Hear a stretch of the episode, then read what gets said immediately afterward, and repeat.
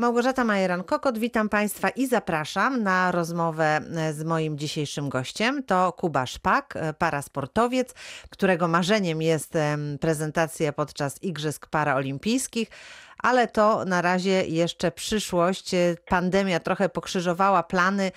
Powiedz Kuba, jak sobie poradziłeś w tym czasie, takim trudnym czasie dla wszystkich? Uf, no, pytasz od strony sportowej czy życiowej? I jednej i drugiej, i życiowo, i sportowo.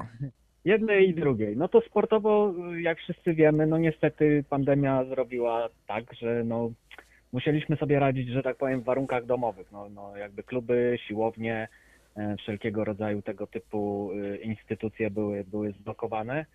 E, Więc tak naprawdę zostały mi hantelki, gumy, m, materac i, i i to, co można było zrobić w domu, to się robiło.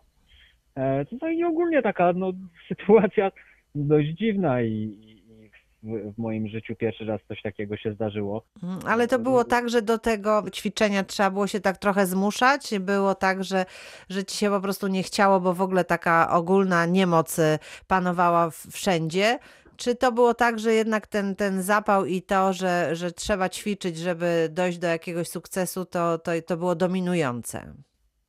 Raczej to drugie, raczej wiesz co, jak ktoś już jest, e, e, że tak powiem, sportowcem i zajmuje się tym, no powiedzmy, bardziej profesjonalnie, e, ja to robię tak naprawdę od, od, od, od podstawówki, później z jakimiś dłuższymi, krótszymi przerwami, natomiast tak jak mówię, skończyłem szkołę sportową i więc, więc ten sport u mnie całe życie w jakiejś formie funkcjonował. E, Więc to zostaje w nawyku, po prostu człowiek się źle czuje, jak czegoś nie zrobi dziennie i, e, i, i tyle. Natomiast ja miałem o tyle też jeszcze fajną sytuację, no bo e, przez pandemię też i musiałem, że tak powiem, córkę zabrać z internatów, no bo szkoły też się zblokowały, a moja córka też jest sportowcem, jest, jest mistrzynią Polski Młodziczek w piłce siatkowej, więc jakby wspólnie się motywowaliśmy, więc, więc że tak powiem, na tym kawałeczku trawy, którą mam przed balkonem, no sobie razem dawaliśmy jakoś radę, no. Trzeba było to jakoś pokonać. Opowiedz, w takim razie dotknąłeś życia osobistego, to zdradź kilka szczegółów. No bo kiedy spotkaliśmy się już lata temu, to mm, być może było zupełnie inaczej niż jest teraz. No jest zdecydowanie inaczej przede wszystkim, bo, bo, bo w ciągu ostatniego roku e, z kawałkiem no, no wydarzyło się dużo rzeczy. Wtedy się spotkaliśmy, te, tak jak mówisz, parę ładnych lat temu. To ja, ja byłem w takim dobrym tempie jeszcze wtedy sportowym. Natomiast dzisiaj oficjalnie, no muszę przyznać tak, z kajakarstwa zrezygnowałem, już nie trenuję kajakarstwa. A myśmy wtedy No. właśnie pływali kajakiem koło elektrociepłowni. Tak. Mhm. Dokładnie, dokładnie. No, no, no, wydaje mi się, że to, co mogłem e, w kajakarstwie zrobić, to zrobiłem. No, no, no, zdobyłem e, tego wicemistrza Polski kilka razy, brązowy. Byłem e, siódmym zawodnikiem w Europie, zdobyłem brązowy medal Pucharu Świata. Ale no, jakby to powiedzieć, nie oszukujmy się, ten PESEL goni. Ja już mam 41 lat. Ktoś powie, kurde, facet, jesteś w kwiecie wieku. Natomiast pod dyscyplinę pod tytułem kajakarstwo to, to już jest, e, można by powiedzieć, e, troszkę mm, wiek już taki, no, no to jest bardzo wyczerpująca, to jest hardkorowa dyscyplina, zwłaszcza gdzie my pływaliśmy typowy sprint 200 metrów. E, jeżeli ktoś, że tak powiem, nie ma za dużo z tym styczności, może sobie pomyśleć, "No, co to jest 200 metrów, nie? Jest niby 50, 50 około sekund e, wyścigu, ale żeby się przygotować pod to 50 sekund, no to jest e, orka na ugorze, jak to mówią. To jest kawał ciężkiej roboty, to jest hardcore, to jest, to jest dwa treningi dziennie, e, woda plus siłownia. Ja już najnormalniej w świecie e, e, e, no, zaczęło mi to obciążać dość mocno barki. E, Mhm. I, i, i, i, gdzieś tak no, stwierdziłem, że no, chyba czas już e, e, e, pożegnać się z kajakarstwem na poziomie takim zawodowym, profesjonalnym. To jest moja miłość gdzieś tam, która zostanie do końca życia. Ja mam swoją prywatną łódeczkę, mogę sobie zawsze rekreacyjnie gdzieś tam popływać. Natomiast tak jak mówię, no pojawiają się nowi zawodnicy, troszkę młodsi, albo nawet troszkę bardziej młodsi. E, No i umówmy się, no, no ciężko już jest z nimi konkurować i, i to nie nam. Poza tym wiesz, ja muszę brać to pod uwagę, że no okej, medycyna idzie do góry, y, do przodu, wszystko się może zdarzyć. Y, Może, może gdzieś tam będą w stanie nas naprawiać po urazie rdzenia, no ale póki tego nie ma, ja muszę brać to pod uwagę, że moim jedyną formą poruszania się i napędu są ręce. Więc jak ja skasuję sobie barki, ręce zajadę, no to później jest y, problem. Z poruszaniem Em, się w ogóle, jasne. z Mhm. poruszaniem się w ogóle. ale no jak to wiadomo, ja y, jestem sportowcem i u mnie ta chęć rywalizacji zostaje. Po prostu zmieniłem dyscyplinę na troszkę mniej obciążającą. No to w takim razie E, opowiadaj, co to jest teraz. Dokładnie. I od zeszłego roku trenuję tenisa stołowego, tak zwanego ping-ponga. Mhm. E, więc tutaj nie trzeba się tak, że tak powiem, od strony tej fizycznej, nie trzeba codziennie 15 ton na siłowni przerzucić. Tutaj trzeba troszeczkę sprytu, ogrania i tak dalej. Więc to jest bardzo fajna dyscyplina, gdzie bariera wieku jest w ogóle bardzo, bardzo w górę. Jest ta bariera bardzo, bo to naprawdę ludzie w różnym wieku e, grają i naprawdę jak byłem, bo zaliczyłem już e, dwa Grand Prix Polski, Grand Prix Polski, nie Mistrzostwa Polski. E, Pojechałem e, na pierwsze Grand Prix zaledwie po trzech tygodniach trenowania, e, więc umówmy się, tam zbili mnie generalnie, ale parę punktów nabiłem. Chodzi o doświadczenie, poza tym tam jest taki wymóg w, tenisie stołowym, że trzeba minimum dwa Grand Prix Polski zaliczyć, żeby być dopuszczonym do Mistrzostw Polski. I właśnie się szykuję na jesień. Na tą chwilę mamy mieć te Mistrzostwa Polski we wrześniu. I to będą Natomiast twoje no- pierwsze Mistrzostwa Polski. Tak, to, były, to będą moje pierwsze mistrzostwa Polski w tenisie stołowym. Jeśli będą, no na tą chwilę no, zapowiadają, że będą, natomiast no, wiemy jaka jest sytuacja, wszystko się może wydarzyć, e, więc, więc czekam. Trenuję, już trenuję e, od, od, od jakichś tam paru tygodni, jak tylko te obostrzenia, mm, e, że tak powiem, znieśli, więc, więc tutaj, tutaj trenuję sobie tego ping-ponga, jest bardzo fajnie. Zawsze mi się podobał, zawsze mi się kręcił i generalnie jest to sport, który bardzo dużo frajdy mi przede wszystkim sprawia, a, a tak jak mówię, nie trzeba się aż tak e, katować po prostu, bo ja najnormalniej w świecie, szczerze mówiąc, mówię, no, no nie daję rady, no, no to, to jest po prostu tak ciężka dyscyplina, że, że, że, że ten wiek po prostu ma tutaj znaczenie. Mhm. A czy są. Nie e, uważam się za starego człowieka, absolutnie, ale tak jak mówię, w tej dyscyplinie e, to już, to już jest troszeczkę inaczej. A czy masz e, partnerów tutaj we Wrocławiu w tenisie stołowym właśnie? Czy to jest dyscyplina wśród osób niepełnosprawnych popularna, czy jest tutaj jakaś drużyna? Jeśli chodzi o, o samą dyscyplinę i jako, jako sport dla osób, to to jest bardzo popularna dyscyplina. Wuskersów gra naprawdę mnóstwo. E, Słuchaj, e, powiedzmy sobie tak, e, e, jeśli chodzi o tenisa e, e, stołowego, to wcześniej był na paraolimpiadzie niż na zwykłej olimpiadzie wprowadzony do programu. E, Więc to już jest dyscyplina z bardzo dużymi tradycjami, jest, e, jest naprawdę ta e, reprezentacja taka e, bardzo liczna, bo jest bardzo też dużo grup.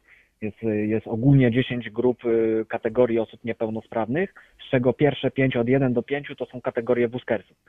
Y, O różnym, wiadomo, poziomie jakby porażenia i sprawności od 1 do 5, czyli jedynki to są najmniej sprawni, do piątki to są najbardziej sprawni. Mhm. W jakiej ty jesteś grupie? Ja jestem w kategorii drugiej, tak na pograniczu 2-3 powiedzmy. Mhm, jest, bo, bo, mhm, mhm. bo, bo mm, no jakby nie było y, y, y, głównym jakby tematem, jeśli jest ta kwalifikacja tak zwana medyczna, czyli dostajesz tą grupę, no to jedna najważniejsza jest ręka grająca. U mnie to jest ręka prawa, która delikatnie jest porażona, nie mam tak dobrego chwytu. E, No i plus jeszcze do tego stabilizacja w tułowiu, no i, no i ostatecznie przyznali mnie dwójkę, chociaż na pierwszym Grand Prix e, byłem, byłem w kategorii czwartej, był po prostu klasyfikator, który, który tak mnie ocenił, ale później mnie obniżyli. Nie wiem skąd on w ogóle wziął pomysł na czwórkę, bo w czwartej kategorii na wózkach grają co prawda też osoby, ale to są osoby, które na przykład nie mają dwóch nóg i siedzą na wózku, ale mają kompletnie sprawny tułów. U Mhm. mnie tych stabilizacji w tułowiu nie ma, więc jak ja polecę na przykład klatą na kolana, to jakby z mięśni brzucha nie dźwignę się do siadu z powrotem, muszę wszystko na rękach zrobić.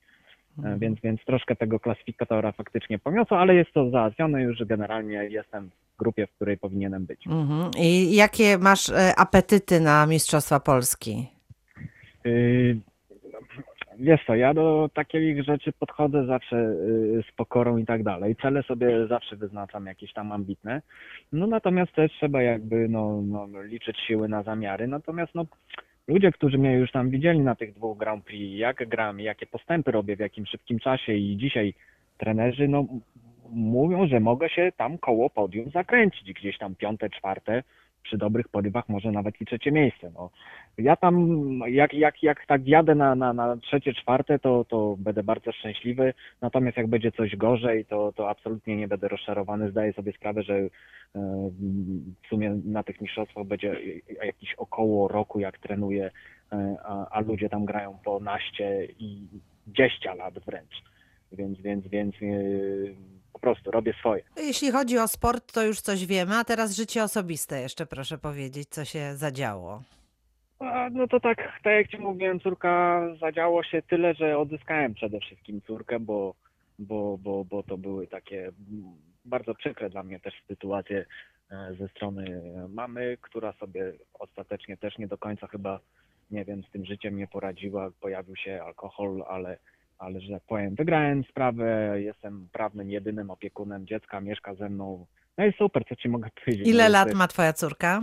E, Córka ma 16, skończona jest w pierwszej klasie liceum sportowego, oczywiście Wolej Wrocław, siatkówka, e, kadetka już teraz i, i, i- i naprawdę jest z wielkim potencjałem, e, gra na pozycji środkowej i, i jest jedną, jedną z lepszych środkowych tak naprawdę. A czy to była Tak. taka, taka trochę twoja inspiracja, właśnie szkoła sportowa i w ogóle to zainteresowanie sportem? To znaczy, no, no córka wiedziała, czym, że, że tym sportem ja się też zajmuję, natomiast inspiracją e, raczej w szkole e, podstawowej ją, to była szkoła, która miała takie e, powiedzmy zajęcia z siatkówki i tam to się, że tak powiem, zaczęło. Trenerka ją e, zauważyła, no bo umówmy się, moja córka ma 16 lat, ma 1,85 m wzrostu. Wow. Także, i, I ona też Trudno jej nie zauważyć w tej Trudno sytuacji. jest zauważyć dokładnie, a jak, e, a jak tak mi jeszcze było w podstawówce się śmiałem, bo e, oni jak ze szkoły przejść na teatralną na basen, to mieli dosłownie przez park.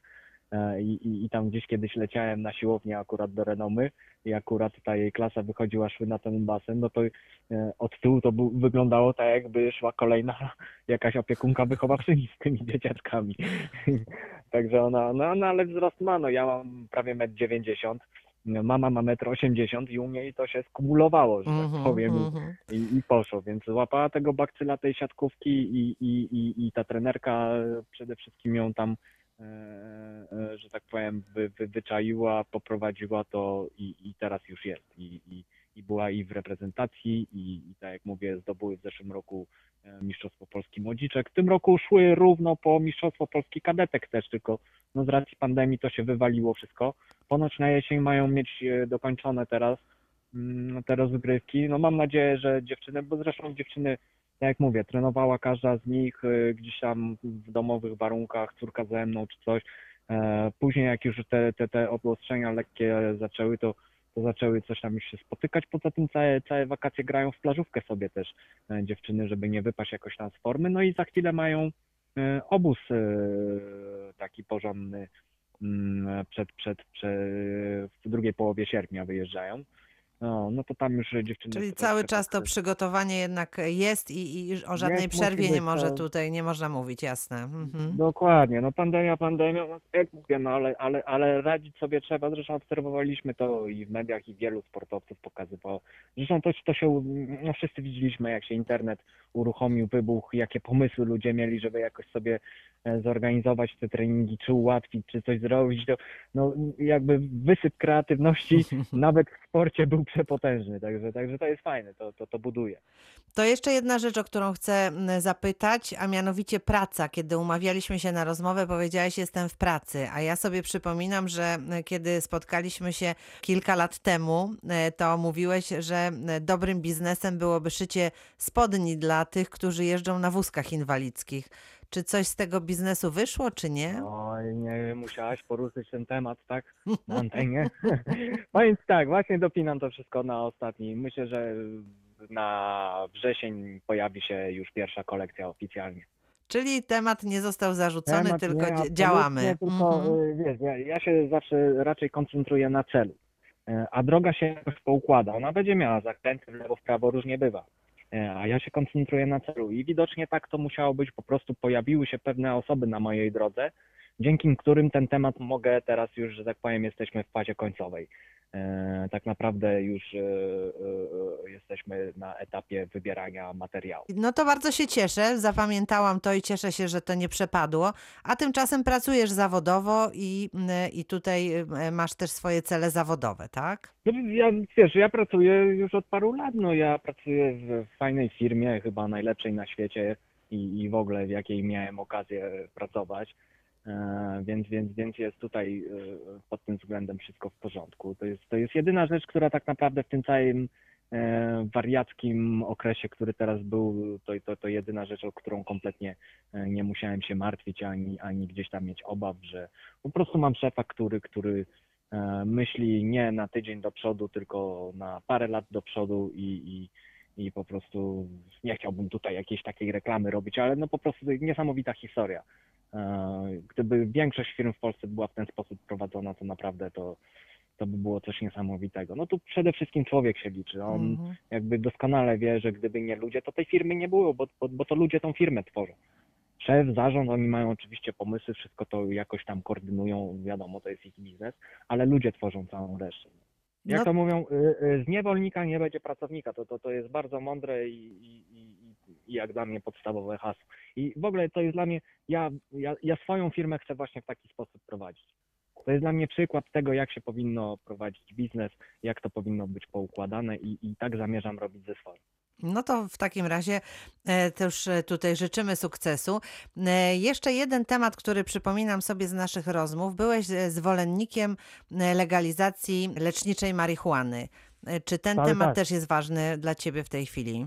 Ja zwolennikiem zawsze jestem, tylko że wiesz, gdzieś tam kiedyś, e, zaraz po, po, po, po powrocie do Polski, e, troszkę bardziej jakby się angażowałem jako aktywista z wolnymi konopiami, gdzieś tam jeździłem. Dzisiaj po prostu no, w pewnym momencie, no jakby no trochę też mało czasu na to wszystko, że jak nie będę co chwilę gdzieś tam jeździł. Ja, ja jak tylko mogę, to wspieram, e, powiedzmy edukuję ludzi do, wokół siebie, i dalej to popieram. No i generalnie to już mamy przede wszystkim, no bo mamy medyczną e, marihuanę legalną, mamy ją w aptekach, to znaczy oficjalnie w sensie wszystko jest fajnie, tylko że cały czas są braki w tych aptekach, nie? Ale to już to już jest... że Ale coś powiem, się tutaj zadziało, tak. Mhm. Nie, no zadziało się w dobrym na pół kierunku, tylko problem jest taki, że, że dalej pewne zmiany e, spowodowały to, że, że, że cały czas są problemy właśnie z zaopatrzeniem, żeby to na bieżąco było.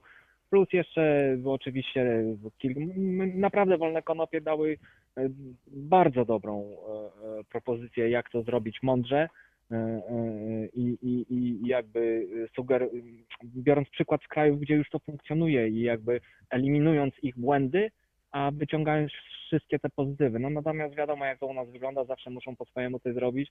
No i wyszło jak wyszło, że tak naprawdę okej, może i legalnie aptece można kupić, tylko kogo na to stać, jak tam gram kosztuje 65 do 70 zł. No i, i tak naprawdę nic to nie zmienia i dalej ci e, ludzie potrzebujący będą zaopatrywać się na czarnym rynku. Nie ma tutaj. No bo, no bo kogo na to stać? Nie ma tutaj dofinansowania, nie ma refundacji e, i, i, tyle no. Trzeba Mam jeszcze nadzieję, że to- lepszych rozwiązań. Tak. Mhm. Ale wiadomo, no je, jest pierwszy krok. Lepiej poprawiać coś niż cały czas walczyć, żeby cokolwiek się zmieniło. Więc tutaj ten pierwszy krok jest. Teraz to trzeba tam troszeczkę popoprawiać, żeby to było mądrzej troszkę zrobione. Mhm. Kuba, ile lat jeździsz na wózku inwalidzkim? No właśnie ostatnio liczyłem, słuchaj, to 14 rok idzie. E, Jak teraz na to patrzysz, czternaście no to, to był czas naprawdę bardzo wielu wyzwań w twoim życiu. Hmm, No był, no, no, no na pewno, no bo wiesz, no, bo to, to jest kwestia, wiecie, ktoś się rodzi niepełnosprawny, to kompletnie inaczej, wiesz, od małego i w ogóle to funkcjonuje. A ktoś, kto ulega wypadkowi i nagle się 180 życie obraca, no to faktycznie trzeba do tego już troszeczkę inaczej podejść, e, zaadoptować się, uczyć. Mieć ten, jak to mówią, no, no wiesz, nie, ja jestem z natury bardzo optymistyczną taką osobą, mnie mało co jest w stanie złapać, mnie, złamać, mnie, e, mnie boli serce, jak mojemu dziecku się krzywda dzieje. Cała reszta jakoś potrafię sobie wytłumaczyć, potrafię sobie jakieś tam, wiesz, zmotywować się i tak dalej. E, Natomiast, no, no, no tak jak mówię, no, no dużo było, dużo się działo, fajnie jest, nie mam co narzekać w zasadzie, no wiadomo jak to w życiu, no każdy gdzieś tam jakieś ma lepsze, gorsze dni, coś mu się podoba, coś mniej się nie podoba, e, czasem się zirytuje, ale no, no ale trzeba iść do przodu, robić dalej swoje, no, no, no tutaj nikt za mnie nic nie zrobi po prostu, no i, i, i, i taka, nie określiłbym, że to jakaś taka walka przez te 14 lat była, e, no ale, ale tak, czasami były trudne momenty, e, słabsze, ale cały czas do przodu. No i tego Ci życzę, żeby e, cały czas do przodu po sukces ten sportowy i, e, i sukcesy y, osobiste w, w, w rodzinie w, z Twoją córką, żeby też ona odnosiła sukcesy, co będzie dla Ciebie ogromną radością na pewno. Wiadomo, to przecież. E, To wszystkiego dobrego, Kuba. Bardzo Ci dziękuję za rozmowę i do usłyszenia znów za czas jakiś. Za czas jakiś, e, mam nadzieję, że następny czas, bo e, tak jak powiedziałem, ja pojadę na paraolimpiadę. Tak jak mówiłem, nie wiem kiedy, nie wiem w jakiej dyscyplinie, na tą chwilę w tenisie całowym. No i plan jest taki mój, no, no ten Paryż 224 to by było dla mnie spełnienie w ogóle jakichś takich, e, to by było coś takiego, wiesz, ja, ja mieszkałem w Paryżu, ja tam właśnie miałem wypadek, tam się rehabilitowałem, leczyłem. E, W ogóle Francja i Paryż jest dla mnie takim, e, no, mam tam mnóstwo przyjaciół, znajomych, więc jakbym tam się, jak to mówią, dostał na tą paraolimpiadę i, a jeszcze coś zdobył, to by było takie, no takie fajne, no takie, takie To by była jakaś takie... życiowa klamra, tak. Tak, dokładnie. To by było naprawdę coś, coś niesamowitego, więc mam nadzieję, do, do tego dążę, no, tak jak mówię. Mam parę lat do, do, do tej olimpiady, wszystko przede mną, wszystko jest możliwe. Bardzo dziękuję. Kuba Szpak był dziś razem z nami. Wysłuchaliśmy rozmowy, ale można też e, Kubę zobaczyć na naszej stronie internetowej, ponieważ jest osobą niezwykle aktywną, nie tylko sportowo. Ostatnio wystąpił w teledysku do piosenki z debiutanckiego albumu wrocławskiego muzyka Mirka Bielińskiego. Piosenka nosi tytuł Nie daj się. Małgorzata Majeran-Kokot, ja już dziękuję. Życzę Państwu dobrego dnia. Do usłyszenia.